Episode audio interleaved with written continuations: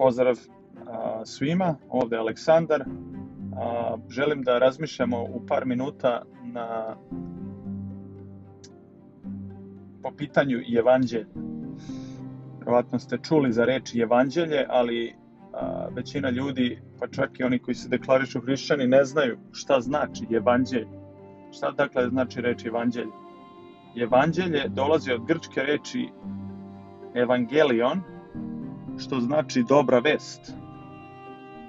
Znači čuli ste evanđelje po Mateju, evanđelje po Marku, evanđelje po Luki, evanđelje po Jovanu. To su četiri knjige u Novom Zavetu, prve četiri knjige koje opisuju Hristov život prevasodno i one su nazvane evanđelje ili dobra vest po Mateju, po Marku, po Luki, po Jovanu. Dakle, evanđelje je dobra vest spasenja kroz Isusa Hrista. I jedan stih u Bibliji to jako dobro opisuje. To je u stvari najpoznatiji stih svih vremena. Nalazi se u Evanđelju po Jovanu, trećoj glavi 16. stihu koji kaže jer Bogu tako omilje svet, jer, jer Bog tako voljaše svet, a vi možete staviti tu svoje ime umesto reči svet, jer se odnosi na ljude, jer Bogu tako omilje svet, da je i sina svog jedinorodnog dao, da ni jedan koji ga veruje ne pogine, nego da ima život večni. Vidite, dragi moji, Biblija nas uči da je Bog ljubav. To je u stvari definicija ljubavi. Bog je ljubav, jedan stih kaže. I Bog koji je ljubav je dao svoga sina da dođe na ovu grehom ukaljanu planetu, da se rodi kao bespomoćno dete, da živi život i da prođe kroz sva iskušenja, boli, a, tugu i jad. I da nikada ne popusti grehu i na kraju da bude mučen i ubijen. Jer Biblija kaže i bi bijen za naša bezakonja i bi mučen nas radi. I ranom njegovom mi se isceli smo. On je umro na krstu Golgote umesto tebe i umesto mene, jer mi smo zaslužili smrte. Biblija kaže da je plata za greh smrt. Plata je ono što ste zaradili, ono što ste zaslužili. Znači na kraju meseca kada kada završimo sa radom, onda poslodavac nam isplaćuje to što smo zaradili u tog, tog meseca. A Biblija kaže da je plata za greh smrt, znači to smo zaslužili. Međutim kaže, ali dar je Boži spasenje kroz Isusa Hrista.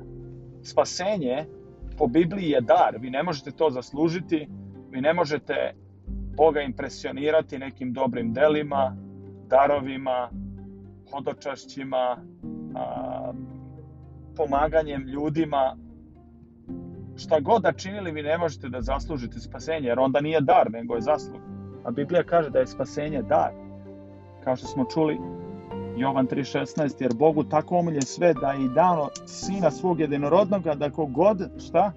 Kogod ga veruje, ne pogine, nego da ima život večni. Znači, Biblija uči da je spasenje kroz veru. Međutim, vera, biblijska vera, je više od samog verovanja da postoji Bog. Vera je vera je više od, od, od samog od samog verovanja da nešto postoji. Vera je u stvari o kojoj Biblija govori poverenje. Vera je predanje. Vera je poslušnost. Vera je ljubav prema Bogu. Vera je potpuno poverenje u Boga i poslušnost njegove reči. To je biblijska vera. Jer Biblija kaže i đavoli veruju i drhću. I đavo veruje da postoji Bog. on u stvari zna, ali on nema od toga nikakvu korist. Znači, sama činjenica, sama pomisao da mi verujemo da postoji Bog nije ta, nije ta biblijska vera, to nije kvalitet te vere koja nama daje garanciju spasenja. Biblijska vera je jedna transakcija u kojoj vi primate dar. Vera je kao ruka koja je ispružena da primi dar. Vidite, spasenje je a, kad sam bio, evo, daću vam jedan primjer, kad sam bio a, mali, možda sam imao, ne znam, 12-13 godina, nisam znao da plivam i sa, sa drugom iz komšiluka koji je bio stariji dve godine, išli smo na jedno obližnje jezero koje se zvalo Šljunkara i na tom jezeru često su kopali bagerima, izvlačili su šljunak za, za građevinu, ja? i tu je bilo i raznih virova, znate kako je ovaj kada plivate tamo gdje ima virova možda vas povuče i ali u mom slučaju ja nisam ni znao da plivam tako da tako da vir nije ni nije bio ni neophodan. A, međutim, ja nisam planirao da idem u duboku vodu, nego sam čisto hteo malo tako možda do ramena najviše da uđem i mi smo krenuli, šetali smo tako sve malo dublje i dublje. Hteo sam malo da se ovaj, pokvasim I odjednom sam propao jer na tom mestu je a, su kopali i to je bila dubina preko glave i ja sam počeo onako da mlatim rukama i davio sam se bukvalno znači i, i to je vi koji ste iskusili znate osjećaj panike a, nemoći, očaja a, sve vam se znači a, ono padne vam mrak na oči ja ništa nisam mogao da uradim da sebe spasem. Apsolutno. A, I odjednom sam osetio kako me jedna ruka obuhvata, kako me izlači, to je bio taj moj drug komšija.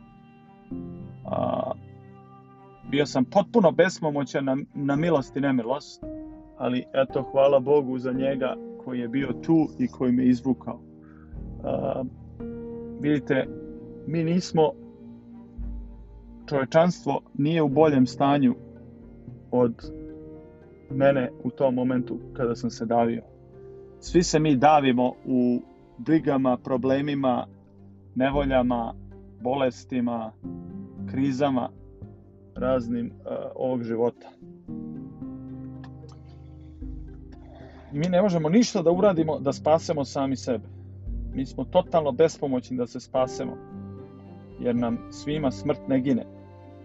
Koliko god bili uspešni, koliko god bili lepi, koliko god uh, imali prijatelja, koliko god lju, uh, nas ljudi poštovali, cenili, uh, kovali u zvezde, koliko god novca imali, koliko god da smo zemalja proputovali, kakva god kola da vozimo, sve na kraju to nije bitno kada nas zemlja pokrije.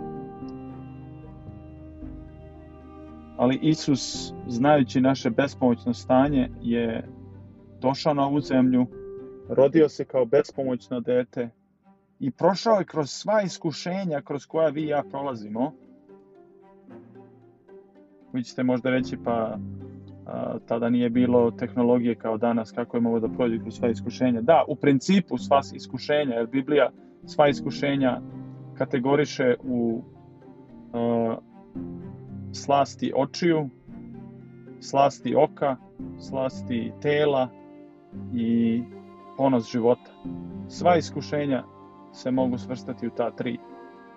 Znači, danas su samo uh, iskušenja možda malo još uh, pristupačnija nego pre zbog tehnologije i zbog uh, modernog takozvanog života. Međutim, Isus je došao na ovaj svet i on nas je, tako reći, izvukao iz vode u kojoj smo se davili. Međutim, mi moramo pružiti ruku, mi moramo prihvatiti taj dar spasenja. Jer Bog nam je dao slobodnu volju. Na nama je da odlučimo. Biblija kaže izaberite danas kome ćete služiti.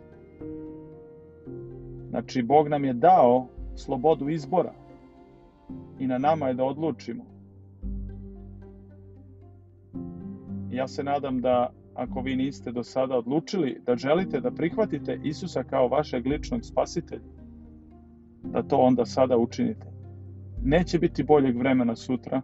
Sutra nikada neće doći. Biblija kaže, ako čujete danas glas spasenja, ne oklevajte. I evo pozvao bi vas, ako želite da prihvatite Isusa kao svoga spasitelja, da se zajedno pomolimo i da mu kažemo da želimo da on bude gospodar i vođa, spasitelj, gospod našeg života. Evo ja ću se pomoliti zajedno sa vama.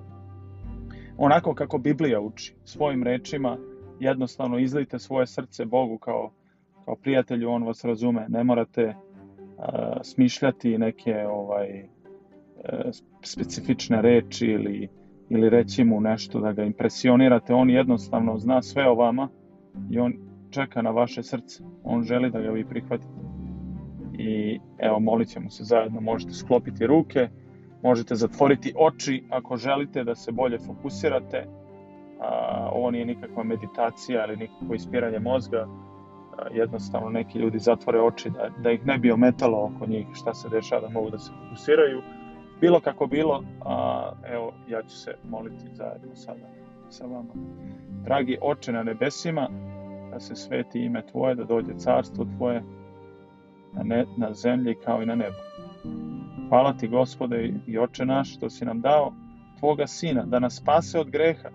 Mi želimo sada da ga prihvatimo kao svog ličnog spasitelja i želimo da On bude gospodar našeg života i da nas vodi, da nas blagosilja, da nas uči i da nam da mudrost. Mi predajemo svoje grešno srce, svoje, svoju zlu prirodu i svoje zle sklonosti, sebičnosti, ponos i želimo da ti, gospode, nam daš novo srce i novi život u tebi. Predajemo ti se sada u tvoje ruke i molimo te i prihvatamo tvoj dar spasenja kroz Isusa Hrista, našega spasitelja i gospoda. U Hristovo ime večno. Amin. U sledećoj epizodi ćemo više govoriti o tome šta znači imati veru koja nam daje spasenje. Pa nadam se da ćete se uh, pridružiti zajedno, da ćemo se uh, zajedno još družiti. Uh, do tada neka gospod bude s vama, pa se čujemo.